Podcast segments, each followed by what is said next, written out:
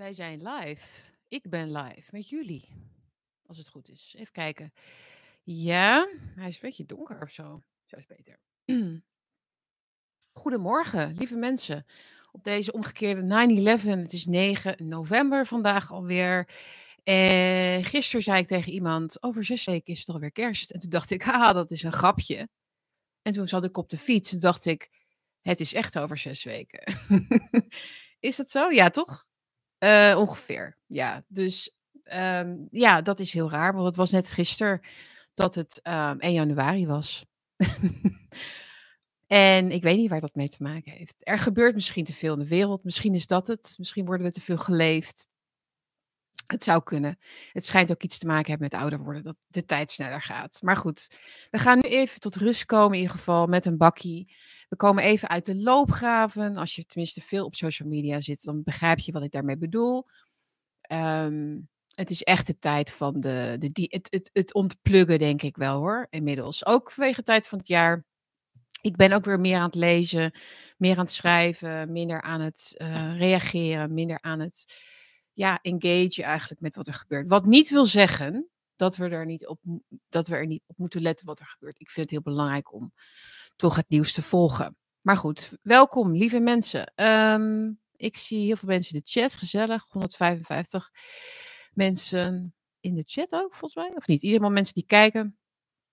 Ik ben inderdaad naar de kapper geweest. Ja, er is heel veel af. Er is echt zo'n stuk af ongeveer. Ik vind het wel leuk. beetje, doe me een beetje denken aan, uh, vroeger. Ik had vroeger altijd dit soort, deze lengte. Dus ik ben wat, weet niet, ik voel weer een beetje 17 of zo. Hè, dat krijg je er gratis bij. Het is in ieder geval een stuk lichter. Groeit wel weer aan. Nou, is dat nou een leuk compliment? Als mensen zeggen het groeit wel weer aan. Je bent helemaal naar de chat gekomen, bakje met Bergsma, om te zeggen dat het wel weer aangroeit. Oké. Nee hoor, dat is uh, prima. Uh, ik kan het hebben. Uh, welkom dus in de chat. Goedemorgen inderdaad. En we gaan even een aantal onderwerpen bespreken met elkaar. Dingen die ik, eh, die mij opvielen in ieder geval. Het meest laatste wat ik mee heb gekregen, die CPB-doorrekeningen, die zijn nu gepubliceerd op de site van het CPB. En ik zag Ewald Engelen daar al lekker driftig over twitteren. En ik denk, oh ja, dat is natuurlijk weer zo'n club. Daar moeten we wel eventjes het licht op schijnen. Dat dus. En nog even over Rusland en Oekraïne. En wat is daarmee aan de hand? Want het is weg als over, is voorbij of zo. Maar volgens mij heeft Rutte nog wel F-16's beloofd, toch? Daar gaan we even bij stilstaan. Nog even over iets wat ik gisteren opkwam tijdens het lezen van dit werk, het zijn eigenlijk vier romans, dus van Sergej Dovlatov. Dovlatov, hoe zeg je dat? En um, ja, dat, daar, gaan we het even, daar gaan we even mee, eindigen. Misschien moeten we gewoon weer een beetje een soort culture cornertje doen aan het eind. Dan gaan we dat doen. Ik heb deze ook nog klaar liggen voor een citaat, dus daar gaan we ook nog even in. En maar we beginnen even met de post en natuurlijk even de mededeling dat jullie allemaal moeten liken en delen en abonneren op het kanaal, want ik heb bijna 18.000 abonnees. Dus dat zou mooi zijn als we dat deze week redden. Volgens mij heb ik er nog maar 100 nodig of zo. Dus dat is een mooi. Het is altijd mooi om weer een, een bepaald uh, aantal te bereiken. Al groeit het gestaag, maar dat geeft niet. Uh, het gaat erom dat het groeit. Um, en jullie kunnen hieronder natuurlijk je inschrijven voor de nieuwsbrief. Die gaat er morgen weer uit. Ik heb een artikel klaarstaan wat niet in de andere krant komt, maar dus wel op mijn website later. Maar als je hem als eerste wil, ik beloof nog even niks, hè, maar hij komt als eerste op de, op de, via de nieuwsbrief. Als hij dus af is, of op tijd morgen, anders wordt het volgende week. Maar je krijgt dan elke vrijdag in ieder geval de meest recente nieuwe content. En dus een overzichtje van de week. En even wat, ja, wat ik zo al dan even kwijt wil. Dus je kun je hiervoor inschrijven. En je kunt hieronder ook via de linkjes een donatie doen. En dank aan iedereen die dat heeft gedaan. De laatste dagen. Ik kreeg ook nog post deze week. Um, en ik moest lachen. Ik, eh, ja, ik maakte, soms maak ik het al open, zeg ik even eerlijk. Vooral als het dan pakketjes zijn, dan zit ik op de fiets. Of dan zit ik al, nou niet op de fiets, maar voordat ik ga fietsen, zit ik al een beetje te spieken. En bij boeken en zo ook. En nu heb ik dus deze ontvangen. de obesitascode. En toen dacht ik, nee, want deze heb ik al. Dit is al de derde die ik ontvang. Deze heb ik dus. Nu heb ik drie obesitascodes. Dus of jullie willen mij allemaal iets heel graag vertellen, maar niet direct, zeg maar, in directe zin. Of dit is blijkbaar zo'n ongelooflijk interessant, baandoorbrekend uh, boek wat iedereen moet kennen. Over um, de voedingsindustrie ook, het geheim van gewichtsverlies. Um, en het is inderdaad, het schijnt ook wel een. Uh, ja, hier staat. Verklaart dat met een baanbrekende nieuwe theorie. Obesitas wordt veroorzaakt door onze hormonen, niet door een gebrek aan zelfbeheersing.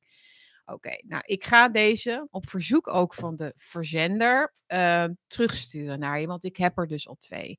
Die verzender zei ook, als je het niet leuk vindt, dan kun je het, wil je het dan alsjeblieft naar me terugsturen. En er zat ook een tientje bij, dus dan ga ik dat met dat geld, stuur ik hem wel graag terug als je dat graag wil. Liever niet allemaal dat gaan vragen aan mij natuurlijk, um, om, om uh, een soort verstuur... Uh, um, bedrijfje te beginnen ook. Maar, maar als je daar echt om vraagt, dan zal ik dat zeker doen. Dus ik zal deze terugsturen.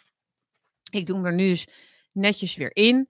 Maar ik heb hem dus, ik zal het bewijzen. Ik zal het bewijzen. Zie je, dit is, en dan is er nog eentje. En volgens mij was die, was die andere ook voor Jan bedoeld. Maar ik denk niet dat Jan daar heel erg blij mee wordt als ik dat alsnog naar hem opstuur. Een beetje om dezelfde reden dat ik daar natuurlijk niet heel meteen heel heel lekker gevoel bij krijgen, obesitas.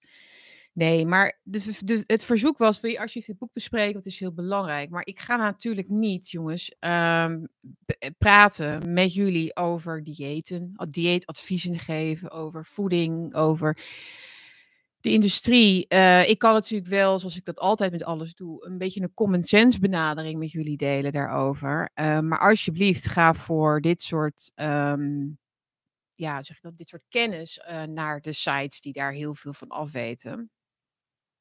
Ik begrijp wel de, de boodschap erachter van we worden eigenlijk verteld enzovoort. Maar dat is natuurlijk al bekend. En dat ons wordt verteld dat vlees slecht is en vet slecht is. En dat, uh, nou ja, dat het uh, inderdaad wat hij zegt. Dat zelfbeheersing nou niet per se het probleem is. Of het gebrek daaraan. Maar inderdaad hormoon. Ik, ik denk dat daar zeker een kern van waarheid is. Wat ik wel heb geleerd, dan kan ik even mijn, over mijzelf dat met jullie delen. Dat uh, diëten en gewichtsverlies uh, echt per individu heel erg verschilt. Dus wat voor de een werkt, werkt voor de ander niet. Zo had mijn echtgenoot een tijdje geleden, een paar jaar geleden, zo'n keto-dieet gedaan. Nou, dat was natuurlijk een jubelstemming in huis wekenlang, want meneer had dan, eh, was vijf kilo kwijt um, in, in twee weken of zo. Als ik, als ik keto ga doen, dan word ik ziek. Word ik letterlijk, moet ik op de bank liggen, krijg ik griep, griepverschijnselen. Uh, voel ik mij letterlijk onwel. Ik word zo wit als een, als een spook. Ik heb het toen vijf dagen volgehouden of zo. Dus om geen koolhydraten te eten. Niets behalve dus vet en uh, proteïne. En ja, toen heb, ik, uh, toen heb ik een stuk ontbijtkoek gegeten. En ik voelde me eigenlijk meteen daarna een stuk beter. En dan kun je zeggen, ja, je had het vol moeten houden of zoiets. Maar ik, ik, vind het, um, ik vind het niet een... Ik vind dat diëten sowieso veel te veel een trend ding is geworden. De ene, de ene trend volgt de andere op. Ik denk dat je um, um, inderdaad behalve de zelfbeheersing gewoon heel goed moet luisteren naar je lichaam en heel goed moet leren wat voor jou werkt en niet. Ook in bepaalde fases van je leven. Uh, wat bij je past en niet. Uh, ik denk dat vrouwen bijvoorbeeld hebben heel veel eiwitten ook nodig en veel vetten ook volgens mij. Maar dat is weer algemeen, dat weet ik niet. Maar jongens, obesitas, ik denk dat het obesitasprobleem hebben wij gelukkig niet zo in Nederland. Uh, dat je echt dus, ik weet niet wat de standaard daarvoor is, maar dat je dus echt zo, zodanig veel te zwaar bent dat je echt um, gevaar, dat je gezondheid ernstig gevaar loopt. Maar um, dat is natuurlijk vooral een Amerikaans probleem. Ja. Zelf, ja, ik, ik moet eens denken aan zelfbeheersing. Het klopt, het, uh, net als willpower. Je kunt niet op willpower, wat is het in Nederlands woord ervoor, uh, diëten of uh, zeggen dat je iets niet mag, want dan wil je het. het. Het is helaas zo. Je moet eten Zoals je ook denkt dat je, dat je het graag doet, zeg maar. Ja, oké. Zie je? Het is niet mijn, het is niet mijn cup of tea, jongens. Ehm, maar goed. Maar bedankt dat jullie dit allemaal, allemaal massaal opsturen. Ik zal, er verder, ik zal het me verder niet persoonlijk aantrekken, denk ik toch maar. Oké. Okay. Uh, alright, jongens. We gaan, uh, dat was de post.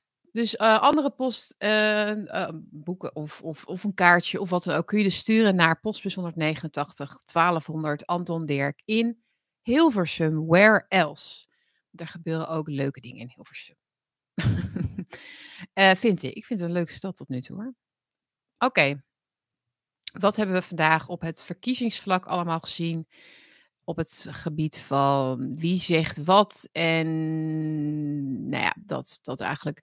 We hebben ik heb eh, gekeken naar eh, Pieter Omtzigt op Radio 1, want dat kun je tegenwoordig ook kijken, hè? radio, radio kijken, via de clipjes op Twitter, op X. En daar zat hij met Thijs van der Brink. En daar werd hem gevraagd waarom hij het, of althans het nieuw sociaal contract niet de CPB-doorrekeningen wilde maken aan de hand van hun verkiezingsprogramma. Er zijn dus maar, maar er zijn acht partijen geweest die hun verkiezingsprogramma hebben laten doorberekenen. En dat heet dan Keuzes in Kaart. Wat wordt gepresenteerd door het CPB. En dat is de elfde editie doorrekening verkiezingsprogramma's. En dat is de VVD, dat is D66, GroenLinks PvdA, CDA, ChristenUnie, Volt, Ja21, SGP. Dat zijn ze. En dan wordt er nog een, uh, in het rapport nog uitgelegd hoe ze dat allemaal hebben gedaan. Hoe ze het hebben berekend. Dus eh, FVD mist natuurlijk hierin, maar ook dus BBB en het nieuwe sociaal contract. Dat heeft natuurlijk alles, alles ermee, alles te maken met dat de doorrekening jou niet helpt als beginnende partij, zeker niet dus als je als outsider erbij komt. Het helpt jou niet in je populariteits um, polls, in jouw peilingen, als jij dus het CPB laat doorrekenen wat jij graag wil. En dat is ook niet zo raar, want het CPB is net als alle andere overheids- of aan de overheid gelieerde, laat ik het zo zeggen, instituten natuurlijk erg pro-establishment, pro-gevestigde orde, pro-kartelpartijen en sceptisch, laat ik het maar even neutraal noemen, ten opzichte van de nieuwkomers. Dat is gewoon een feit. En dat zie je ook bij meer de, de psychosociale duidingen die worden gegeven bij politieke stromingen vanuit het uh, noemen um, uh, Sociaal Cultureel Planbureau. Een NCTV natuurlijk ook, die daar wat scherper nog weer in zit, tot aan de AIVD nog scherper. En je hebt dan allerlei uh, analyses over het gevaar, het antidemocratische gehalte natuurlijk van partijen. Wat ze dan kunnen meten. Hè, meten, weet je nog, vroeger was het meten is weten. Wat is het nu? Meten is God, toch? Meten is Meten is iemand maken of breken inmiddels. We meten ook de sociale, uh, de sociale status eigenlijk. We meten de sociale status van een partij. We meten de morele status van een partij. We leggen die letterlijk op een weegschaal, zoals we heksen vroeger op de weegschaal konden zetten. En dan ben jij dus als FVD of uh, wat voor ja, of, of, of jij, jezelf, Pieter Omzicht, ben jij dus een antidemocratische partij.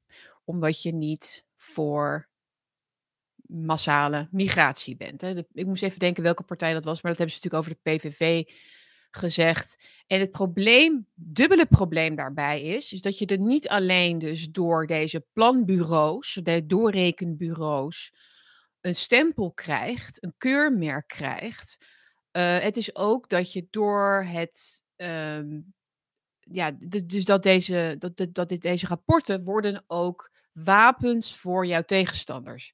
Dus op het moment dat jij in een debat staat als BBB met een VVD, dan kan de VVD dus zeggen: uw plannen zijn doorberekend en laten zien dat, dat straks Nederland in een, in een, in een armoede terechtkomt. Dankzij jullie, dankzij jullie het gevaar daarvan. Het gevaar is natuurlijk dat je daar dat je met feiten niet kunt strijden. Hè? Dat is precies wat de gevestigde partijen, de gevestigde politieke macht heeft gevonden als de, de, de meest effectieve manier om tegenstanders te bestrijden, is het um, heilig verklaren van het, het feit, de cijfers. De cijfers als uh, de, de grote conversatiestopper. Hè, u, wat u wil, dat kan niet. Wat u wil, dat kan niet. De ironie is natuurlijk dat het vaak precies andersom is. Dus dat, dat, dat niet alleen de gevestigde partijen dingen willen die niet haalbaar zijn en desastreus zijn voor de welvaart van Nederland en voor de, lange, en voor de toekomst en voor het onderwijs en voor de zorg, is dat we ook hebben gezien dat het zo is. Dus het CPB heeft niet alleen laten zien ook dat wat zij hebben doorberekend in het verleden niet blijkt te kloppen. Hè? Dus er is vaak een veel te optimistisch beeld bij de, uh, de plannen van links bijvoorbeeld. Daar is altijd een veel te optimistisch beeld dat de investeringen in duurzaam zullen terugvloeien in onze portemonnee. Hè, die investeringen kunnen we niet allemaal uitdrukken in geld. Daar zit ook een stukje, uh, wat is het ook weer? Um, ja, uh, belevenis, of nee, niet belevenis, zo vaag doen ze niet. Maar, uh, hè, dus dat de, de, de waarde wordt ook gezien in het, in het schonere milieu bijvoorbeeld. Hè, dat krijgen we dan voor terug. Laten we, laten we een voorbeeld nemen van de doorrekening van D66, waaruit dit dus blijkt. Hoe gekleurd feiten zijn. Hè? Hoe gekleurd feiten zijn en hoezeer dit een wapen is van het Centraal Planbureau. En Ewald Engelen, die hier dus vanochtend over twitterde, heeft groot gelijk als hij zegt dat dit oplichterij voor gevorderden is. Gevorderde, gevo gevorderden, zeg ik het goed? Is oplichterij vanuit dus de overheid. Doorrekenen als um, de conversatiestopper. Inderdaad, dus ik begrijp Omtzigt, ik begrijp ook BBB en andere partijen dat het een uh, valstrik is om dit te doen. Uh, en ze worden natuurlijk beschuldigd van niet transparant zijn, maar dat zou ik dan als, als ik omzag, omzicht was lekker over me heen laten komen, want de schade uh, van wel doorrekenen is groter. D66 wordt dus in het rapport, wat dus vandaag is verschenen, keuzes in kaart, nog een keer, dat heet dus KIK, wordt het genoemd, hè? want zoals we weten werken er bij de overheid kinderen. Hè? We, we, spreken allemaal mensen aan alsof ze kinderen zijn. Eh, als je dat filmpje ook ziet, het promotiefilmpje van het planbureau. Daar, wij vinden het onwijs leuk werk om door te berekenen. En dan moeten natuurlijk wel onze mond houden, totdat we alles hebben doorberekend. En we vinden het superleuk werk met collega's. En we noemen het dus KIK. Want dat is een afkorting. Dat, dat is gewoon cool. KIK. D66 uh, komt er natuurlijk heel goed uit. Ze staan wel min 5 in de, in, de, in, de, in de peilingen. Maar wat raar eigenlijk, want als je kijkt naar uh, hoe fantastisch hun plannen uitwerken, zou ik maar snel op D66 gaan stemmen. D66 hervormt de sociale zekerheid en het belastingstelsel, zegt hier KIK, het uh, Centraal Planbureau. Um, de partij schaft een groot deel van de bestaande toeslagen en kindregelingen af. Hiervoor in de plaats komt een verzielverbare heffingskorting, één inkomensafhankelijke kindregeling en een belastingvoordeel voor mensen die meer dan 1225 Kijk, dan ben je natuurlijk een, gemiddelde stemmer, een kiezer al kwijt. Weet je, dus dat, daar kijken mensen niet naar. Van, uh, met uh, uh, die percentages en hoeveel uren en waaijong en uurtoeslag en alles bij elkaar opgeteld, ben je vijf dagen verder met rekenen. En dan komt er dus uit dat het allemaal heel goed is eigenlijk. Um, de partij verzwaart de lasten met 17,6 miljard euro. Maar deze komen vooral bij bedrijven terecht. Oh, die komen vooral bij bedrijven terecht. Oké, dus we gaan heel veel meer uitgeven, maar, maar alleen die vervelende grote, die grootverdieners, die, die lelijke bedrijven waar helemaal geen mensen verder werken of van afhankelijk zijn van die bedrijven voor een inkomen. Nee, maar dat is goed. Hè? Dat is een beetje de, wat links doet. D66, GroenLinks, PvdA doen dat allemaal. Het is allemaal het uh, weghalen bij bedrijven. Uh, het belastingen verhogen bij bedrijven uh, het minimumloon verhogen, want dat hoeven alleen maar bedrijven te betalen. Hè. Dat is alleen maar goed, want krijgen de mensen krijgen dan geld. Mensen krijgen geld en bedrijven gaan dan betalen, want die zitten maar te geld te verdienen en winsten te maken. Hè. Dus dan kun je dus die, die lasten, die D66, die megalomane 0,0000, wat was het ook weer, 36 graden ehm, voor eh, met, met 500 miljard of zo aan kosten. Want hoezo lasten met 17,6? Al dat geld wat niet gaat naar onderwijs en zorg, maar gaat naar windmolens. Krijgen we dat ook nog te lezen of niet? Dus we gaan, we gaan het zien. Goed, de lasten dus met 17,6. Dus al die klimaatuitgaven worden hier niet als lasten opgenomen. Um, even kijken. Op het gebied van klimaat en milieu verhoogt D66 onder meer de energiebelasting op aardgas voor grootverbruikers. En voert de partij een kilometerheffing in en een vrachtwagenheffing in. Dus dat is allemaal zo redelijk, hè? Zeer grootverbruikers. Die grote, die grote verbruikers, maar dan moet je dus ook denken aan de, de groente- en tuinbouw. Grootverbruikers. Hè? Die in feite dus failliet gaan. Die dus duizenden mensen op straat zetten. Die dan vervolgens geen geld meer hebben om als kleinverbruiker thuis een potje soep warm te maken. Maar D66 komt natuurlijk met vlag en wimpel door de doorrekening heen. Want het, is, het raakt niet de mensen, het raakt het, alleen de bedrijven. En zo, en zo, wordt het, zo, zo krijg je dus het frame, zo krijg je dus die schimmigheid. Uh, zo maak je dus, laat je alles verdwijnen eigenlijk achter dat goochelaarsdoek uh, wat ze hier uh, optrekken. de, gro grote, ja, de grote cijfer goocheltruc, dat is eigenlijk wat hier gebeurt. En het is niet zo dat ze het allemaal heel sluw en zo per se doen. Het is een mindset, het is een manier van kijken eigenlijk. Het is selectief.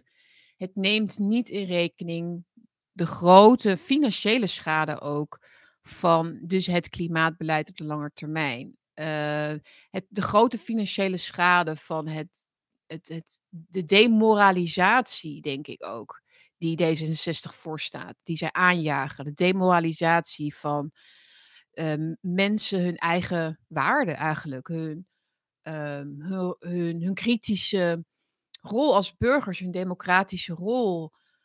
Uh, ze moeten de hele tijd maar in, de, in die woke dingen zitten. En ze moeten maar het ruimte maken voor anderen, zich klein maken. Hè? Ze moeten het, wat dat voor gevolgen heeft ook. Dat, dat, dat wordt niet uitgedrukt natuurlijk de maatregelen van, oh ja, dit is mooi. De maatregelen van D66 leiden tot meer koopkracht voor huishoudens met lagere en middeninkomens. Terwijl de hoogste inkomensgroep erop achteruit gaat ten opzichte van het basispad. Gelukkig. Dus, dus alleen de, de rijke mensen in Nederland, de rijke mensen gaan erop achteruit. De hoogste inkomensgroep erop achteruit gaat. Maar hoe gaan die er dan op achteruit? Want um, daar dacht ik laatst aan. Weet je dat je in Nederland heel veel geld moet hebben om zuinig te leven. Denk daar maar eens over na. Misschien kun je dat voor jezelf ook een keer nagaan, hoe dat voor jezelf zit financieel. Maar ik merk dat hoe minder geld ik heb, dus hoe meer ik eigenlijk moet opletten van wat ik wel of niet wil kopen, hoe meer geld op een of manier moet gaan uitgeven. Dus met kleding is een goed voorbeeld. Hè? Dus kleding wat snel slijt, omdat het goedkope kleding moet je vaker vervangen. En hetzelfde geldt voor een goedkope wasmachine. Hetzelfde geldt voor een goedkope auto meer reparaties, meer onzekerheid. Um, dus de rijke mensen in Nederland hebben het voordeel ook nog eens dat zij um, zonnepanelen kunnen leggen op hun daken. Ze kunnen allerlei aanpassingen doen aan hun woning, isolaties, uh, elektrische auto's kopen, dat allemaal laten aansluiten op hun opritten, weet ik veel wat. Uh, en worden, krijgen daar dus subsidies voor. Dus die hebben geld om geld te genereren verder. Ze kunnen dus profiteren eigenlijk van de subsidies. En dat is natuurlijk de grote, de grote dat, dat is de grote uitdeel van de, de D66 uitdeelshow natuurlijk. Dus die hoogste inkomensgroep gaat er helemaal niet op achteruit. Die hebben nog steeds het geld om duurzaam te leven en minder uit te geven op den duur, zou je kunnen zeggen. Uh, nog even afgezien van um, hun waarde van hun woningen en zo. Uh, geloven jullie dat er meer ko koopkracht komt voor huishoudens met lage en middeninkomens? Uh, dat, dat denk ik niet. Maar dit is, dit is wel een samenvatting. Maar daar zou ik dan even iets meer over moeten lezen. Hoe ze daar dan bij komen. Um, Het pakket heeft geen effect op de economische groei en verlaagt de werkloosheid met 0,8 punten in 2000, 2028. Nul, oké, laten we hier even eindigen met het voorbeeld D66, want het was niet mijn bedoeling om de, deze partij helemaal uh, te bespreken, maar even voor het idee. Uh, hoe korter de bocht ze dus gaan. Maar dit, dit laatste punt is denk ik ook natuurlijk de essentie van waar het misgaat. En dus de, het pakket heeft geen effect op de economische groei en verlaagt de werkloosheid met 0,8 punt in 2028. Dus er werken mensen die, denk ook aan de coronatijd, hoe, hoe dingen werden berekend, de avondklok en de mondkap samen met anderhalve meter. En dat dan drie weken lang leidt tot 125.000 minder besmettingen. En iedereen, iedereen snapt natuurlijk dat dat niet is hoe je rekent. Dat is niet hoe rekenen werkt. Dat is niet hoe voorspellen werkt. Dat is niet hoe menselijke de werkelijkheid werkt. Maar dat is precies hetzelfde wat ze hier doen. 2028 kun je, je kunt niet, niks zeggen over 2028 en zeker niet een cijfer achter de komma. Zeker niet met al die ehm, uitgaven die worden gedaan op dit moment aan, aan oorlogsgebieden. Nou, Rutte, die dus nog F-16's heeft beloofd, krijgt Zelensky die trouwens nog. Ik bedoel, waar, zit de, waar zit de rem? Er zit geen rem op hun uitgaven. Dus hoe zouden we nou iets kunnen zeggen over 2028? Het maakt niet uit als er een nieuwe, als er een nieuwe new current thing komt, waar 60 miljard naartoe moet, dan, dan gebeurt dat dan gebeurt dat onder het nieuwe demissionaire kabinet van Rutte, onder leiding van Jezilgus, toch? Of het nieuwe, het nieuwe kabinet Rutte, onder leiding van Jezilgus, moet ik zeggen. Gebeurt dat dan? Met je nul. Dus dit, dit, is, dit is net zo goed, je had net zo goed een, uh, een inlegvelletje, uh, zeg maar, bij de, bij de, vanuit het CPB kunnen verspreiden. Maar waar heeft dit mee te maken natuurlijk? En dan haal, ik eventjes de, het werk van Matthias de Smet erbij over tot, totalitarisme. Um, Iedereen kan cijfers selecteren die aansluiten bij zijn eigen vooroordelen. Iedereen kan ze op zo'n manier interpreteren dat ze zijn subjectieve ideologische fictie bevestigen. De quasi-onweerstaanbare illusie dat cijfers feiten representeren, zorgt ervoor dat men steeds vaster overtuigd raakt dat de eigen fictie de realiteit is. De cijfers zorgen ervoor dat we ons in de crisis te weinig realiseren dat waar we op reageren niet zozeer de feiten op zich zijn, maar wel verhalen die omtrent feiten geconstrueerd worden. Die verhalen worden geconstrueerd door hulpverleners die oprecht hun best doen om te helpen, door mensen die hun medemens niet willen zien lijden, door politici die de juiste beslissingen willen nemen, door academici die zo objectief mogelijke informatie willen verstrekken.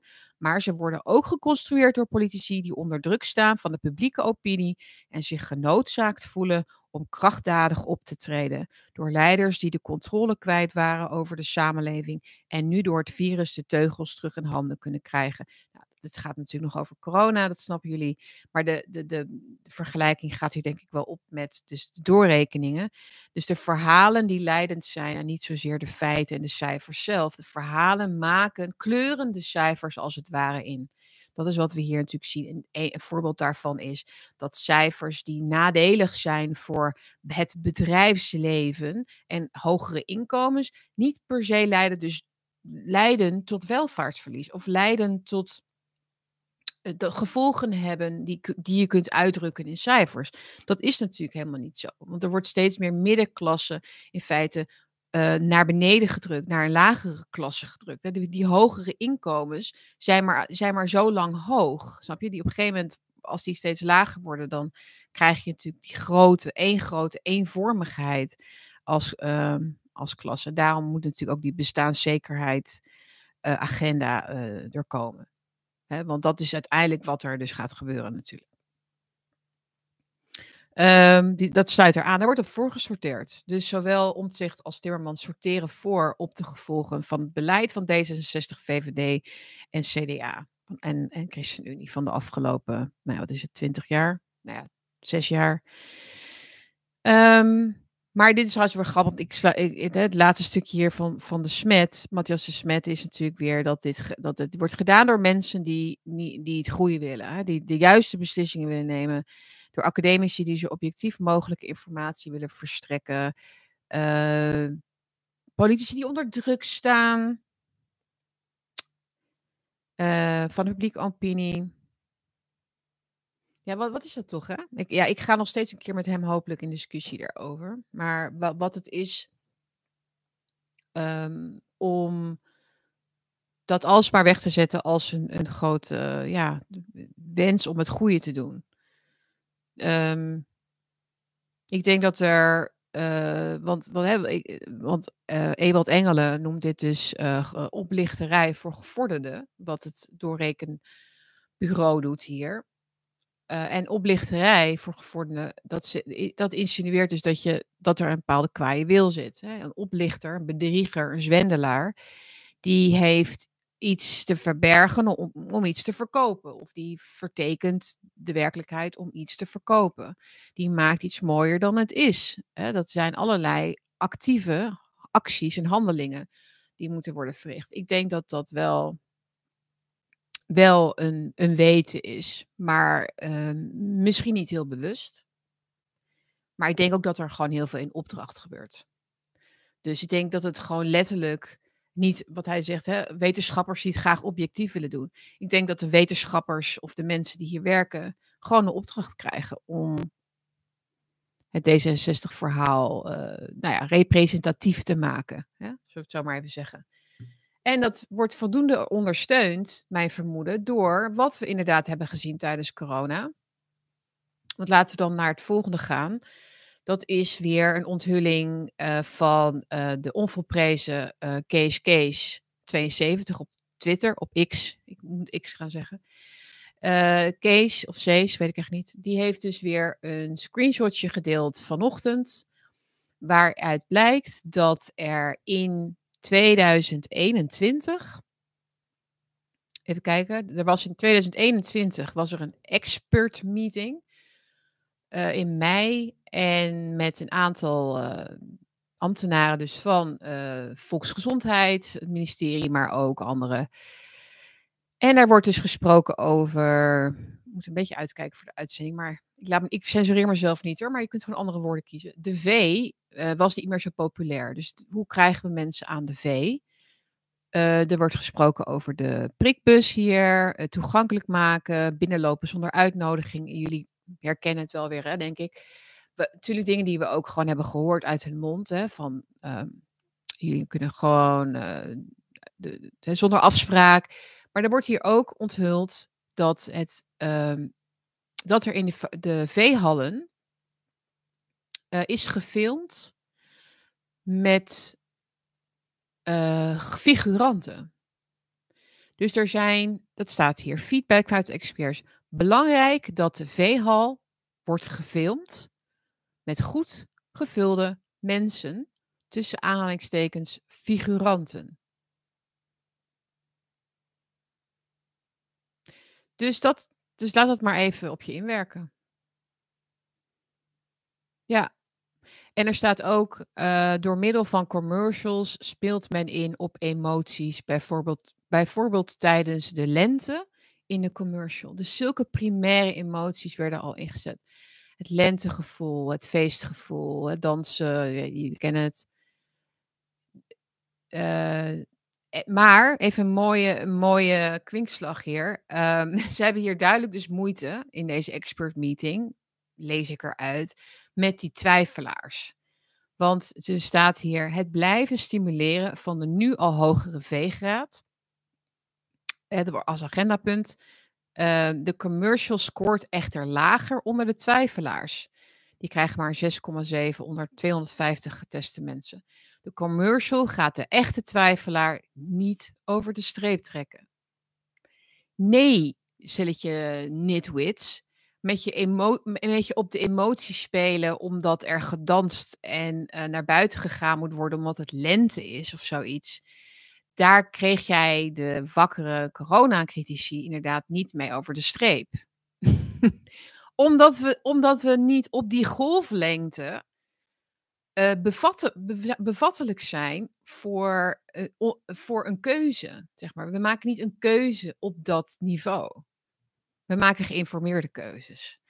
En we houden rekening met heel veel aspecten daarbij. Dus um, ja, dat, dat, dat is dus helaas wat um, al die goedbedoelende politici en al die goedbedoelende wetenschappers, al die goedbedoelende mensen, um, um, koppig weigerden te geloven. Omdat het niet uitkwam. Omdat het niet uitkwam. Dus dat was weer even mooi. Ik ben blij dat hij nog uh, doorgaat met die, uh, met die uh, WOP-onthullingen. Want ik denk dat, dat het een, een beerput is die nooit leeg is, denk ik. Dat, dat, dat lijkt mij duidelijk. Oké, uh, lees ook nog even de Twitter-draadje van Jan Bonte van gisteren, als je dat wil. Die had ook nog een mooie, mooi verhaal over de, ja, de aanval vanuit een groepje mensen op coronacritici in, uh, in die tijd, die zichzelf verenigden. En arts noemde ook trouwens. Die mensen noemden zichzelf dan arts. En dat mag gewoon, hè? Dus dan word je niet. Jan Bond is toch thuis opgehaald en in de cel gegooid. Maar als je je voordoet als een arts uh, op Twitter en dan, dan, dan, dan gebeurt er dus niks, blijkbaar. Oké.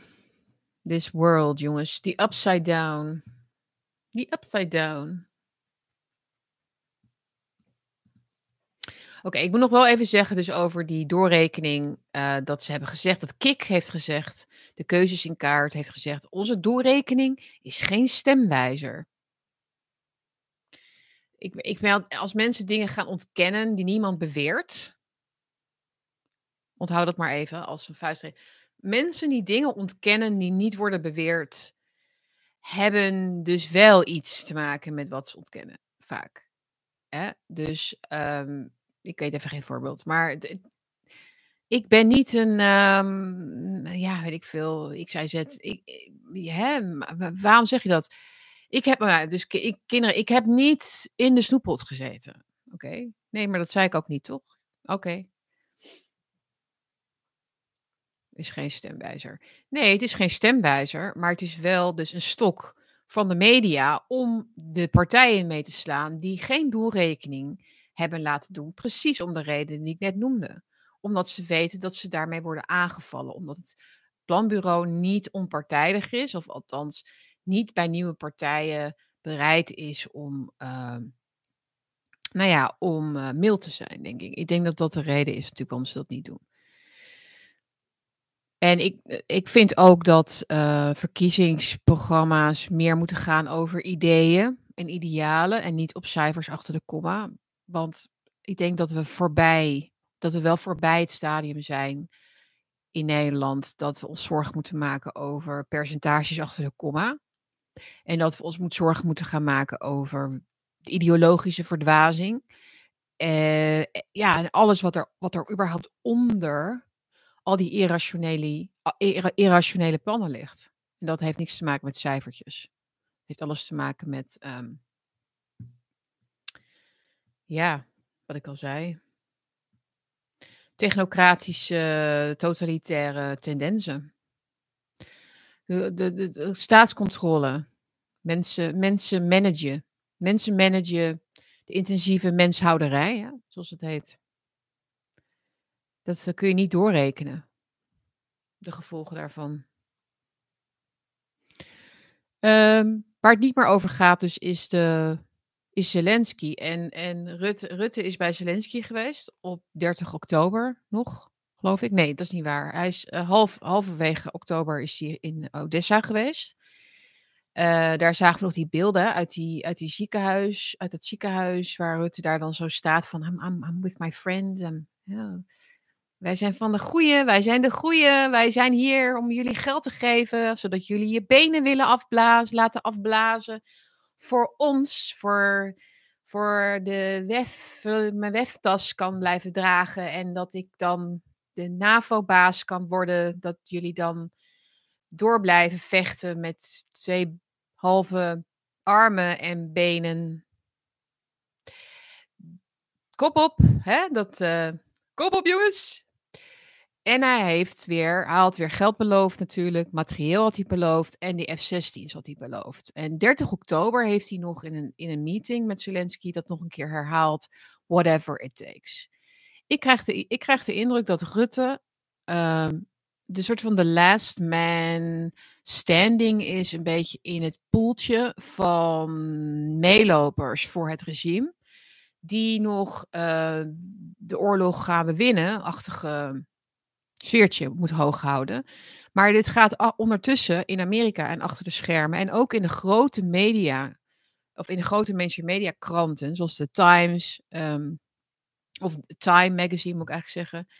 Uh, en er waren nog een aantal die besproken werden gisteren bij The Duran op YouTube.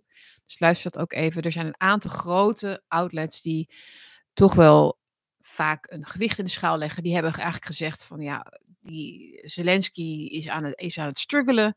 En hij wordt eigenlijk hier dus um, als een fantast en als een de, ja, de lastige persoon nu geframed. We, we moeten over vrede gaan praten, maar Zelensky zit in een soort waan. Dus ze proberen duidelijk, ze proberen hem duidelijk dus um, eigenlijk uh, voor de leeuwen te gooien. Um, omdat ze weten dat het over en uit is. Het is over en uit. Maar Rutte die moet natuurlijk nog even met zijn viooltje doorspelen. Omdat, het, um, omdat hem dat zo is geïnstrueerd. Ernstig hè? Uh, de Time zegt hier um, Volodymyr Vladimir, toch? Zelensky was running late. Zo begint het artikel. Dan weet je het al, hè? Dus artikel van het gaat over een bijeenkomst eind september. Zelensky was running late. En het artikel is van 1 november. Als je zo'n artikel begint, nadat er dus jarenlang een Zelensky is een held um, verhaal werd rondgepompt. Je begint nu een artikel met hij he was running late. Dan zet je al de toon, toch? Als je het hebt over een belangrijk figuur op, um, op het oorlogstoneel is running late, dan wil je dat de lezer al denkt: oh, daar gaat iets niet goed. Deze meneer is, niet, die is er niet meer helemaal bij. Dan staat er ook: He looked distant and agitated. He relied on his wife, First Lady Olena Zelenska, to carry his message of resilience on the stage beside him, while his own delivery felt stilted, as though he wanted to get it over with. At one point, while handing out medals after the speech, he urged the organizer to hurry things along. Nou ja, ik kan het verder lezen, maar de cover ook van Time. Nobody believes in our victory like I do. Nobody. The lonely fight of Zelensky. Dus het is nu gereduceerd tot zijn eenzame gevecht, zijn eenzame strijd.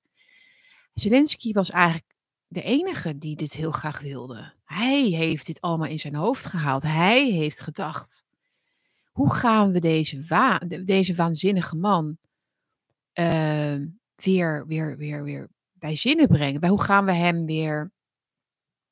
Hè? Hoe gaan we het hem uitleggen?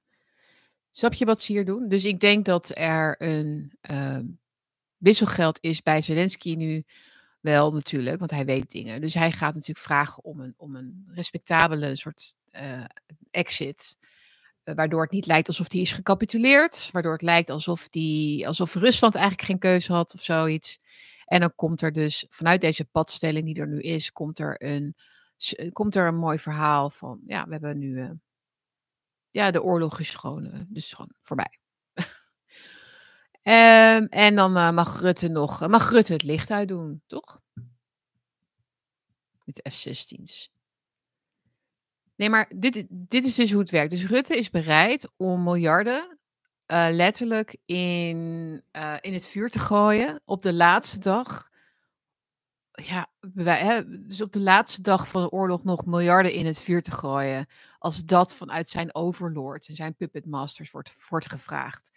Als het narratief dat nog dicteert. Hij heeft geen enkele controle over de situatie zelf. Hij heeft daar niets over te zeggen.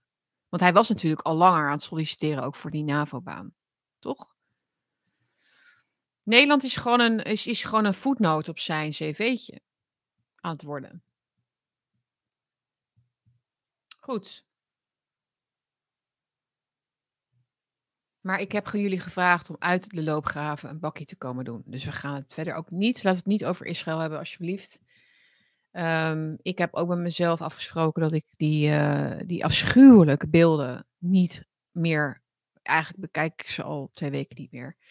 Ik kan daar niet naar kijken. Het is uh, heel schadelijk um, voor je. Um, en uh, het helpt niemand. dus ik heb het niet nodig hè, om te weten hoe erg dit is en hoe diabolisch en duivels deze. Ja, is het. Wat is het?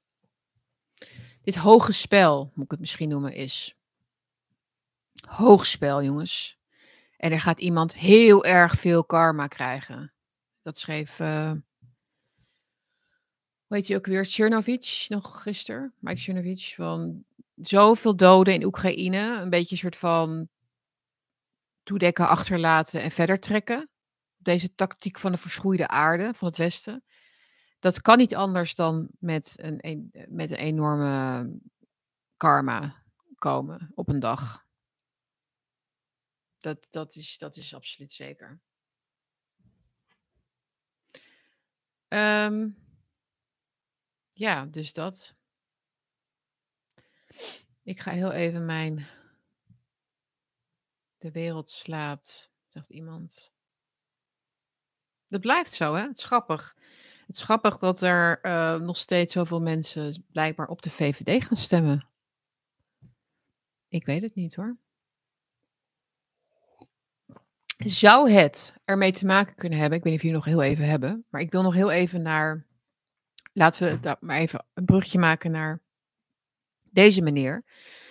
Um, zou het ermee te maken kunnen hebben dat mensen wel weten dat de VVD, ze, dat VVD er niet is voor Nederland.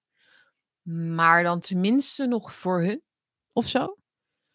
Uh, zoals je maar beter gewoon bij de bad guys kan gaan zitten dan. In de hoop dat ze jou zullen overslaan. Toch? Dat ze jou, dat ze jou met rust zullen laten. Dat het jou wel zijn tijd wel zal duren, zoals het heet. Zoals je mensen hoort zeggen. Nou, ik ben blij dat ik 80 ben, dat ik dat niet meer hoef mee te maken. Ja. Is dat zo? Dat je niet meer hoeft mee te maken?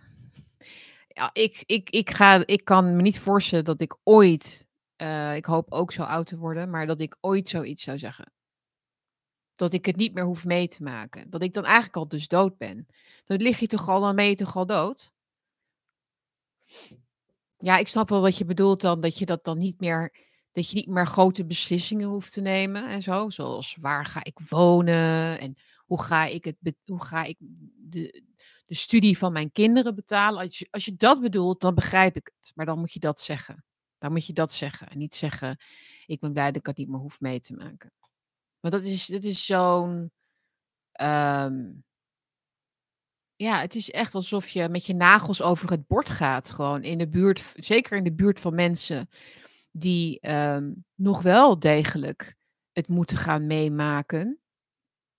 En best wel wat steun in de rug kunnen gebruiken om het allemaal mee te gaan maken. Dus ik heb het over mijn generatie, de Z of de X, wat ben ik eigenlijk, de millennials en natuurlijk de, de jongere kinderen die nu worden geboren.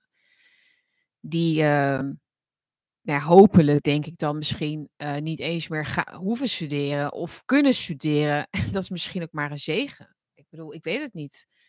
Uh, ik denk dat het systeem onhoudbaar is. Zoals het er nu is. De, wat, heb, wat is een UvA-diploma over tien jaar waard? Wat is een. Ik heb een, ik heb een, um, een, een, um, een Leiden, een bul, uh, um, een Le sorry hoor, een Leidse bul. ja, ik weet het niet. Ik zie daar dingen gebeuren. En dan denk ik, ik, ik ben daar niet, ik ben er absoluut niet een uithangbord van of zo meer. Wat is het nog waard? En hetzelfde geldt voor de grote universiteiten op deze wereld. Eh, Oxford, Harvard, Stanford. Allemaal helemaal kapot gebroken. Helemaal, helemaal activistisch. geïndoctrineerd. Uh, waar ik, studenten ook zelfs doorhebben dat ze er komen voor het papiertje. Dus ze kopen eigenlijk een toegangsbewijs tot de werkende uh, klasse. Of althans, ze, ze krijgen een treetje op de ladder. En ze mogen meepraten, ze mogen in de room zijn, ze mogen advocaat worden, ze mogen arts worden, ze kunnen. Ze krijgen een toegangskaartje tot betere, gegoede klasse. Dat is wat het is. Het is, heeft niets te maken meer met een uh, kritisch goed ontwikkeld mens worden, wat klaar is voor, voor ja, dus een, een, uh, een leven vol, um, ja, hoe zeg je dat? Uh, verantwoordelijkheid en individualiteit en autonomie en dat soort zaken. Dat is absoluut een fictie. Um, tot onderzoek. Nee, al lang niet meer. Dus uh, ik verheug je, be be bevrijd je als je dat nog kan. Um, want er is echt waar heel veel, laten we even positief ook, zoveel te winnen met dat besef, denk ik. Het, het is, je kunt jezelf zoveel tijd en geld ook besparen als je dat eerder ontdekt. Ik zou ook willen zeggen, mijn kinderen zijn nog jong, maar als je kinderen hebt, zeg maar vanaf 18 jaar ongeveer, die worstelen met dit soort dingen, um, leer, leer ze, dat ben ik nu ook een beetje mee bezig, maar leer ze het principe van de, de talentenstack, de talent stack, hoe noem je het in het Nederlands? De, de stapeling van talenten. Dus dingen kunnen die niet, hè, dus dat ze niet zo'n gerobotiseerde manager worden, zeg maar, zo in zo'n managertaal gaan praten, waardoor, um, zeg maar, het, uh, ja, nou ja, die snap wat ik bedoel. Uh, maar dat ze ook met hun handen iets kunnen. Of dat ze goed kunnen muziek spelen of dansen of, of, wat dan ook. En dat ze verschillende dingen leren. Ook op de computer natuurlijk. Ook, ook serieuze, moderne skills. Hè? Niet alleen maar moestuinen. Ook belangrijk. En ik weet dat veel kinderen daar natuurlijk bij alle, bijna alles stom vinden. Wat, um, zeker als je het als ouder voorstelt. Maar leer ze toch daar iets van. En leer ze ook dat feesten uh, van je twintigste tot je dertigste echt zonde van je tijd is. Zo, ik heb het gezegd. Ik heb er, ja, nou, ik deed dat niet zo heel veel. Maar dat, dat, dat gewacht tot je leven begint, weet je wel, dat gevoel.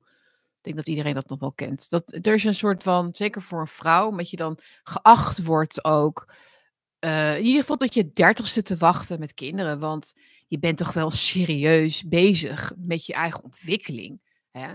Dus, dus heel veel vrouwen die weten dat, dat ze dan eigenlijk niet met goed fatsoen eerder al uh, met kind achter de wagen kunnen gaan lopen. Dus ze hebben een soort van druk om die carrière dan te beginnen, die ze dan moeten afbreken weer vervolgens. Want zo werkt het. Um, het alternatief, je kan zeggen, ja, je hoeft geen kinderen te nemen. Nee, maar het alternatief is dat het, um, dat de boemerang dan komt op je 38ste. Dus ik zou dat die kinderwens als vrouw zeker serieus nemen als je 28 bent en niet op je 38ste. Want dan wordt het een heel vervelend, pijnlijk proces, uh, denk ik. Dat is misschien iets voor een andere keer. Maar ik wil dus naar, ik wil dus naar uh, Sergej uh, Dovlatov.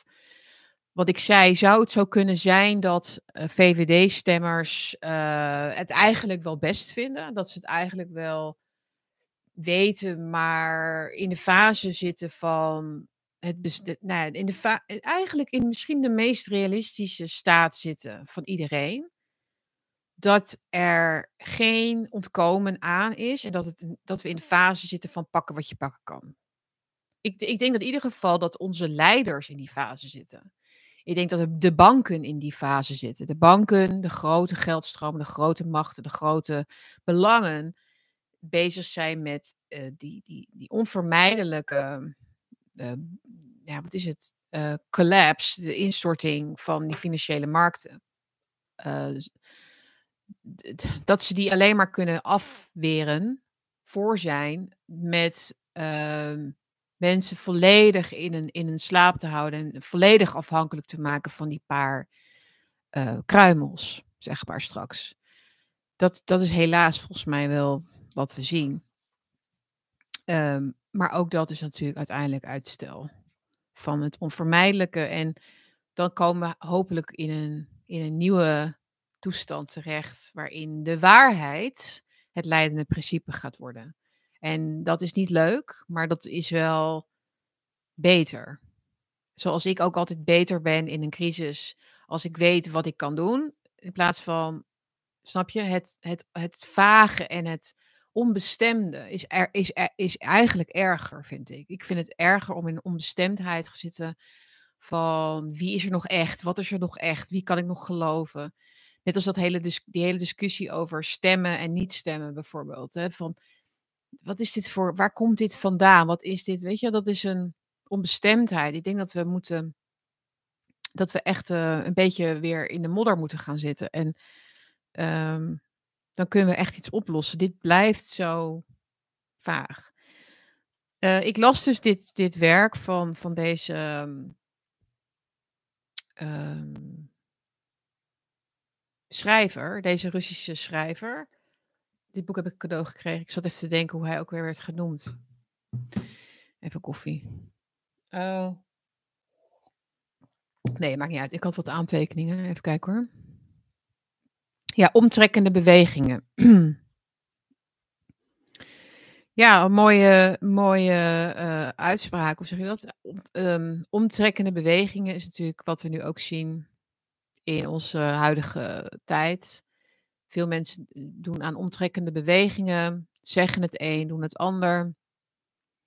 Um, maar goed, ik weet niet precies waar. Ja, nou ja. Um, maar hij, hij, beschrijft in dit werk zijn emigratie naar Amerika.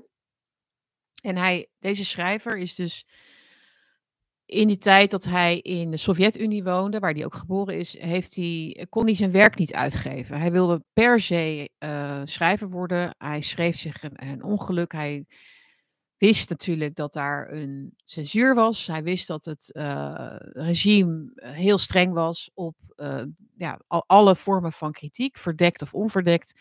Dat wist hij. maar hij heeft daarmee mee proberen te werken toch. Hij heeft geprobeerd om dingen uit te geven. Maar dat is nooit gelukt. Uh, tot een jaar voor zijn dood in 1989. Wat was zijn doorbraak eigenlijk in Rusland? Dus vlak na de val van de muur. En toen is hij een jaar later, uh, in augustus 1990, is hij uh, bezweken aan een hartaanval. Hij hield nogal van de, van de drank, zeg maar. Dus um, dat, daar kun je ook nog steeds natuurlijk aan doodgaan uh, een hartaanval van krijgt. Dus dat is natuurlijk heel spijtig dat hij dat niet meer heeft meegemaakt. Maar hij, uh, ja, hij schreef heel verhalend over zichzelf. Hij schreef eigenlijk over die frustratie die hij had. Dat hij niet kon schrijven wat hij wilde schrijven. En ook dat, dat hij niet werd uitgegeven. En natuurlijk met al het geldgebrek wat daar natuurlijk uit voortkwam. Um, en ik noemde het vorige keer al. Op de, op de flap aan de binnenkant staat. Uh, natuurlijk allemaal lovende, uh, mooie tekst, schitterende autobiografie, bla bla. Er staat er dus ook dat NRC-citaatje. De Sovjet-Unie van Dovlatov is net als het Rusland van Poetin een land van leugen en bedrog. En precies daarom fascineert zijn werk na 40 jaar nog altijd. Mensen bij NRC die willen graag praten over de mensen bij het NRC, want mensen bij het NRC kijken zo naar de wereld. Hè. Het fascineert omdat, het nu, omdat we nu nog steeds die leugens in het bedrog hebben. En dat, wij snappen dat. nou ja, dan heeft deze recensent het boek niet gelezen, denk ik. Um, want er is natuurlijk wel een enorm verschil tussen de Sovjet-Unie uh, van die tijd en het, het Rusland van Poetin. Maar mensen vinden het moeilijk om te differentiëren. Mensen vinden het moeilijk, zoals Matthias de Smet ook zegt, om intellectueel dus um, objectief te zijn. Dat willen ze wel natuurlijk, maar dat zijn ze al lang niet meer, want het gaat alleen maar om de verhalen, zoals de Smet zegt. het verhaal is Rusland kan. Daar kun je niet, daar kun je niet zeggen wat je wil. Daar zijn, daar zijn leugens en bedrog. Nu kom ik bij mijn punt. Nu kom ik bij mijn verschil tussen de tijd, het Rusland van Dovlatov en uh, het Rusland van nu, maar ook het Westen. Laten we dat maar even gewoon erbij halen. Want um, wat is het verschil? Deze schrijver ging heel veel om met andere schrijvers en journalisten en mensen die, zoals hij noemde, even kijken. Uh, Nou, het is ergens verstopt in mijn aantekeningen. Ik heb geschreven, de, uh, de vertaler heeft het hier goed aangegeven. De officiële schrijvers, dus waaronder hij, moesten voortdurend hun woorden wegen en zogeheten eso esopische taal bezigen. Dat wil zeggen eufemisme gebruiken, eromheen praten, iets zo zeggen dat een goede verstaander het wel begreep, maar op het oog onschuldig genoeg was om de censuur te passeren. En de vertaler, dat is een leuke tekst aan het einde, die zegt ook, zelfs zelfcensuur speelde ook een grote rol in de vorm van braafheid en wijdlopigheid. Schrijvers werden ook betaald per bulk. Dat wist ik niet trouwens. Dus dat is ook een reden waarom Russische schrijvers vaak zo breedsprakig zijn en een hele alinea wijden aan hoe iemand een kamer binnenkomt, bijvoorbeeld of zijn hoed afdoet, is omdat ze vroeger werden betaald per aantal woorden. Dus, hè, dat, en dat was al niet veel, dus daarom, Dus dat zijn van die leuke weetjes. En hij zegt, en daar was nog de Samizdat. En dat is de, het uitgeven wat ze deden. Dus een beetje ondergronds, het zelfdrukken van hun eigen werk, het zelf verspreiden van hun eigen werk naar het buitenland. En dat zag er natuurlijk allemaal heel uh, ja, amateuristisch uit, maar dat was ook een manier waarop ze dus konden publiceren zonder uh, bemoeienis eigenlijk van, de, van, van, van Stalin en Brezhnev. En dan konden ze nog, met natuurlijk nog wel enig risico, uh, toch um, hun, hun naam eigenlijk vestigen. Nou, toen is hij dus naar Amerika gegaan. Daar heeft hij een Russische krant opgezet. Daar heeft hij ook een aantal boeken gepubliceerd over zijn familie, zijn achtergrond, zijn schrijverschap. Um, en zijn frustraties daaromtrent. Maar wat, wat ik net even aanhaalde, is dus dat, dat wegen van hun woorden. Hè, dus en dat, en dat, en dat um, er omheen werken. Hè, dus het, het omheen werken, um, dus dingen zeggen met een bepaalde bedoeling, zodat de goede verstaander het begreep dat je dus kritisch was. Dat was dus een, een enorme, um, dat was enorm koorddansen natuurlijk. Maar wat zegt, wat, wat vertelt dat ons eigenlijk over deze schrijvers en deze kunstenaars? Want dat gebeurde dus ook, dat zegt ook die vertaler, dat gebeurde ook bij de mensen die um, dus meededen. Die meededen met het systeem. Die deden dat ook minder, maar die wisten het ook.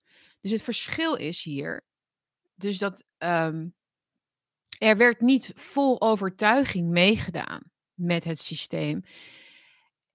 Er was kennis, er was een besef. Er, de censuur werd gevoeld. Mensen leden daaronder. Hè. Ze zaten natuurlijk ook nog in letterlijk vaak bouwomstandigheden. Hè. Dus uh, Dovlatov woonde met zijn dochtertje in die tijd dus ook in uh, Leningrad toen nog, volgens mij. Ja, in zo'n in zo'n communale woning. Hè, dus met, met douchedelen, alles delen, keuken delen. Dus dat was natuurlijk heel armoedig. Uh, dus mensen voelden de gevolgen van het Sovjetregime. Dus het was onderdeel van hun leven. Um, hij zegt ook, die vertaler zegt ook, um, of was het, nee, dat zegt hij zelf. Um,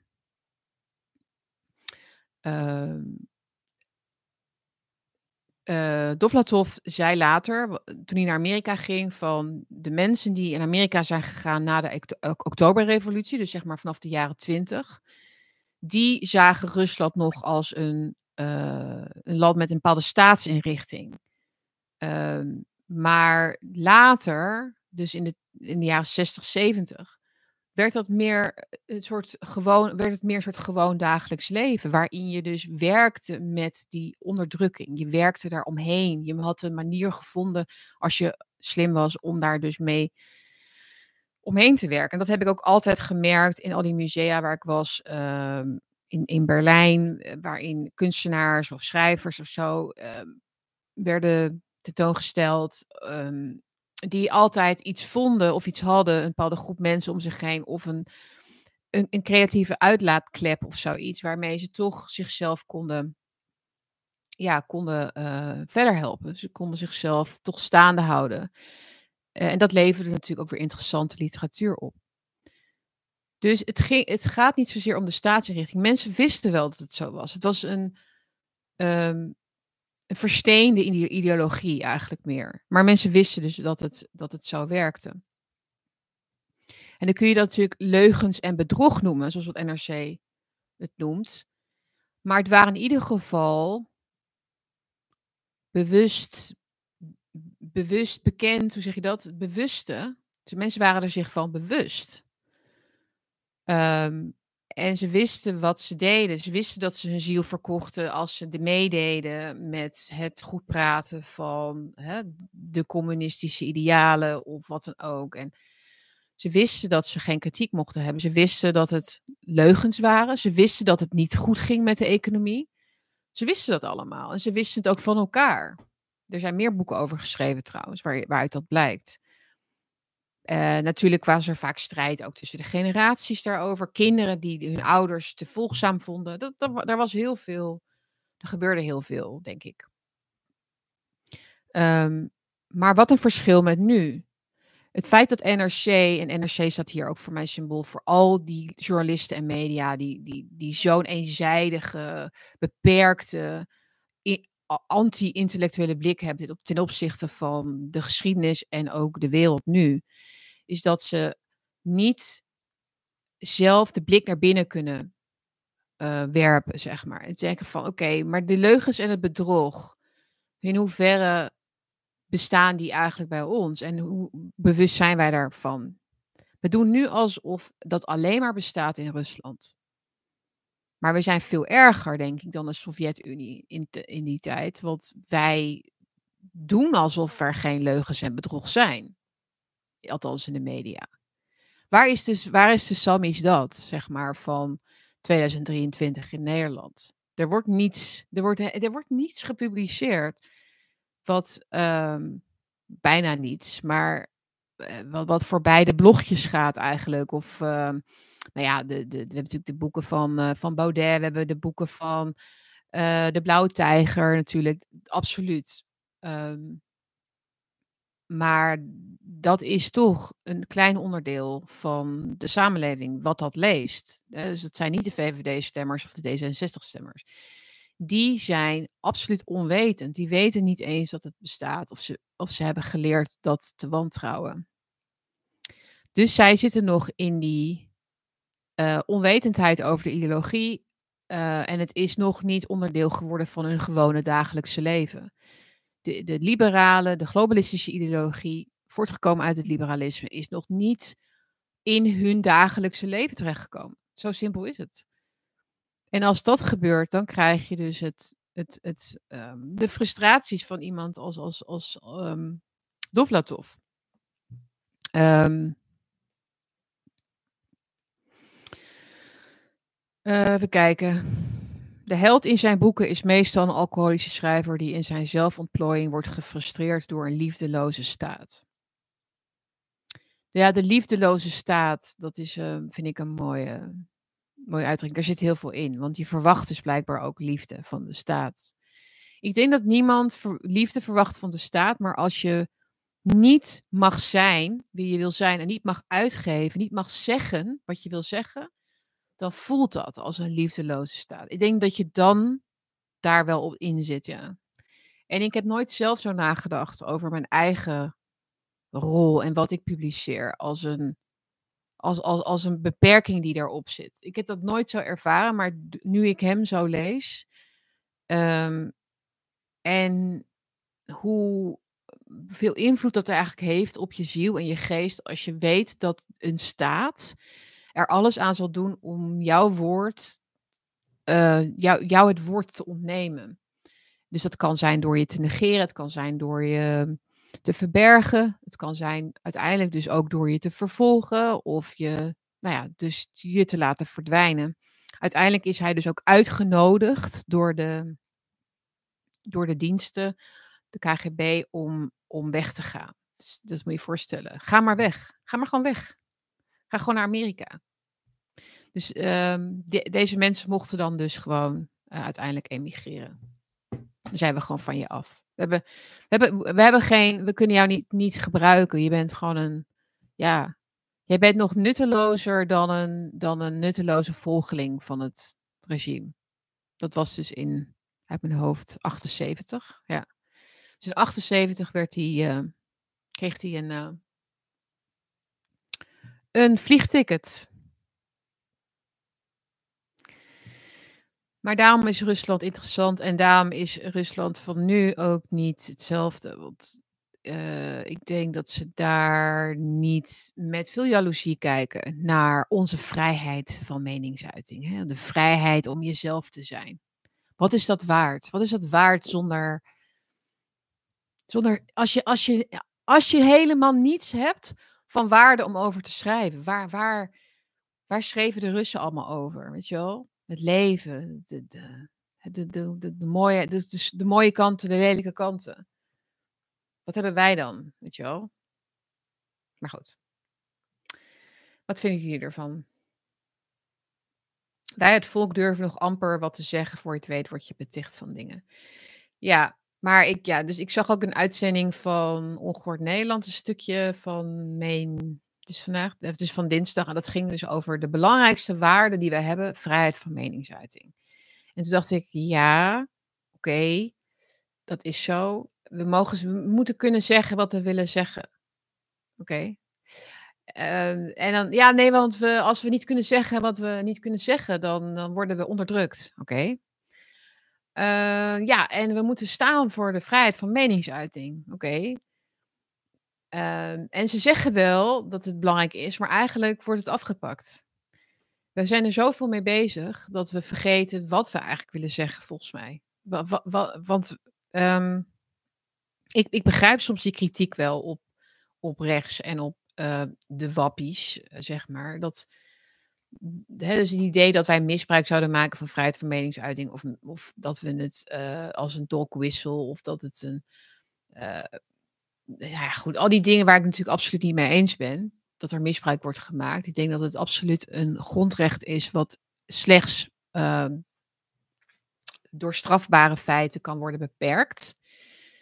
Dat is wel hoe ik het zie. Um, maar we laten denk ik wel heel veel liggen als het gaat om het interessant maken van die vrijheid van meningsuiting. Dus wat is er nou, wat willen we nou eigenlijk vertellen? Wat is het waard om te vertellen? Wat is die waarde in zichzelf als het eigenlijk alleen maar een, een, een canvas is? Het is een canvas waar je nog iets mee moet. En we zitten maar te roepen van we mogen niks meer zeggen. We mogen niet meer. Je mag ook niks meer zeggen ja, in die tijd had je ook iets kunnen zeggen. Ik denk dat dat, dat een uh, belangrijk verschil is. Uh, en dat kan trouwens uh, Tom Zwitser veel beter uitleggen nog dan ik. Want die heeft daar een hele mooie. Dat was het ook alweer. Um, hij heeft daar een keer iets over gezegd. Ik, zo van de metafysica of zo. Hij had het over de metafysica van de wappie. Of zoiets. Vrijheid van meningsuiting, liefde en verbinding. Uit zijn mond is het, is het precies inderdaad wat, wat het is. ik, ik kan dat niet zo goed zeggen, maar. Je moet het goed begrijpen in die context. Uh, maar goed, misschien moeten we iets meer nog. Um, ja, wat ik zeg, het moet het meer iets van ons gewone dagelijkse leven worden waar we in zitten. En minder een online belevenis. We mogen niks meer zeggen. Hopelijk wordt 2024 beter. Het kan bijna niet anders, toch? Het is ook al bijna zover. Ik zit heel even jullie chats te bekijken, jullie berichtjes. Um, en uh, of ik er misschien pik ik er nog wat uit. Volgens mij heb ik, had ik nog wat anders voor jullie. Het is ook kwart over elf. Um, volgens mij was het het wel. Forward to the past. Engelbewaarder. Nog een laatste vraag of opmerking. Kan ik daar nog even op aansluiten? Heb ik iets gemist nog hierin? Of missen jullie nog iets in deze duiding? Positief blijven. Zeker. Um, ik heb ook dorst trouwens. Ik heb geen water hier. Bam, bam, bam. Glitters, ja. Glitters op ja. Ik heb trouwens wel glitters op mijn hoofd. Zie je dat? Ik heb glitters op mijn hoofd vandaag, want ik voel een nieuwe trend aankomen. En ik heb ook nog eens rood haar, dus ik ben ook een slachtoffergroep. Dus ik ben natuurlijk heel erg getraumatiseerd door het verleden. Want ik, dan stond ik op de duikplank en dan was het: hey, stoplicht. Ga je nog springen? Dus ik heb een ik heb slachtofferpunten en ik heb ook glitters op mijn hoofd. En ik heb wel de ergere dingen naar mijn hoofd gekregen dan dat ik een hamer op mijn hoofd moest krijgen. Dus ik denk dat ik wel mee mag doen met de grote ehm, benadeelde wedstrijd of zoiets. Wat is het? Nee, maar hoe meer het daarover gaat nog, over die NPO op 3 uh, uitzending, hoe meer dus blijkt inderdaad dat deze Bram helemaal niet zo werkelijk, werkelijk verdrietig is en gek volgens mij. Ik denk dat dat behoorlijk meevalt. Freakshows.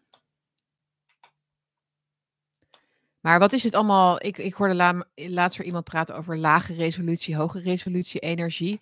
Dat vind ik zo interessant wel. Hè? Ik, ik ben natuurlijk niet zo heel erg van de ik heb hier ook een zoutlamp staan en zo hoor. Ik, ik, kom er wel, jongens. Mensen die mij op dat pad willen, ik, ik ga er een, een keer komen. Nee, maar ik zag een, uh, een oud kickboxer, geloof ik. Zag ik zitten bij Blackbox met Flavio. En die had het over de lage resolutie van hardrockmuziek. dacht ik, dit is wel een rare tijd, jongens. Dat we vechtsporters, uh, kickboxers, uh, horen praten over dat we geen hardrockmuziek meer moeten luisteren, maar dat we eigenlijk naar een harpje moeten luisteren of een of andere hoge resolutietoon, waardoor we meer in onze kracht komen en ons bewustzijn laten groeien. Dat is even soms, dat is een interessant schouwspel. Eens of niet, dat we dit soort rare omwentelingen zien. Dus de grote, sterke jongens die. Um, nou ja, soft worden niet op een soft manier zoals linkse mannen dat worden, zeg maar. Met een vrouw op de bank. En ja, schat, ja hoor, schat, nee. Alles wat jij wil. Ik stem ook GroenLinks, ja, natuurlijk. Niet die soft, maar de, de, de, de, de, cool guys, de, de harde, ja, de mensen met schrammetjes, zeg maar, die, die dan komen praten over de nou ja, lage, hoge resolutie. Ik vind trouwens dat, dat uh, harde muziek uh, absoluut uh, mag. Van mij mag het. Af en toe, met mate.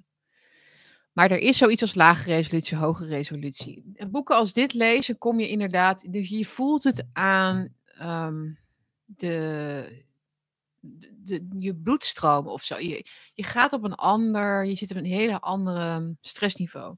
Als je dit leest en um, als je gewoon naar iets kijkt op tv. Het is echt waar. Of natuur natuurlijk ook, doet dat ook.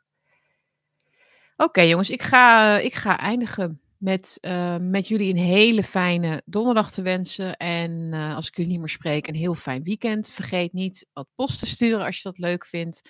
Ik vind het heel leuk om post te krijgen. Dat kan naar 189 1200 Anton Dirk in Hilversum.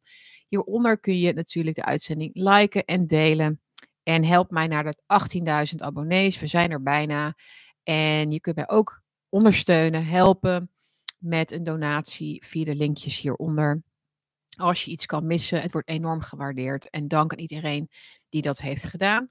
Uh, schrijf je ook nog even in voor de nieuwsbrief, kleine moeite. En dan krijg je mijn content uh, die ik daar wil delen. In ieder geval krijg je dus uh, elke vrijdag in je inbox. tijdstip. Kan een beetje af, verschillen, maakt niet uit. Maar in ieder geval vrijdag voor het weekend. En dan kun je de bakjes inhalen of nog wat extra artikelen lezen. Dus schrijf je daarvoor in. Uh, blijf op de hoogte. Uh, nou, heb het uh, goed. Heb het goed met elkaar. En eh, zorg goed voor jezelf. En um, dan zien we elkaar volgende week weer. Alright. Ciao jongens. En bedankt ook in de chat hè, voor de gezelligheid. Jullie ook bedankt. Um, harder dan met Teleca is juist kaart heel goed. Ik ben het eens. Ik ga nu even met Teleca gewoon opzetten. We hebben het verdiend jongens. Oké, okay, ciao.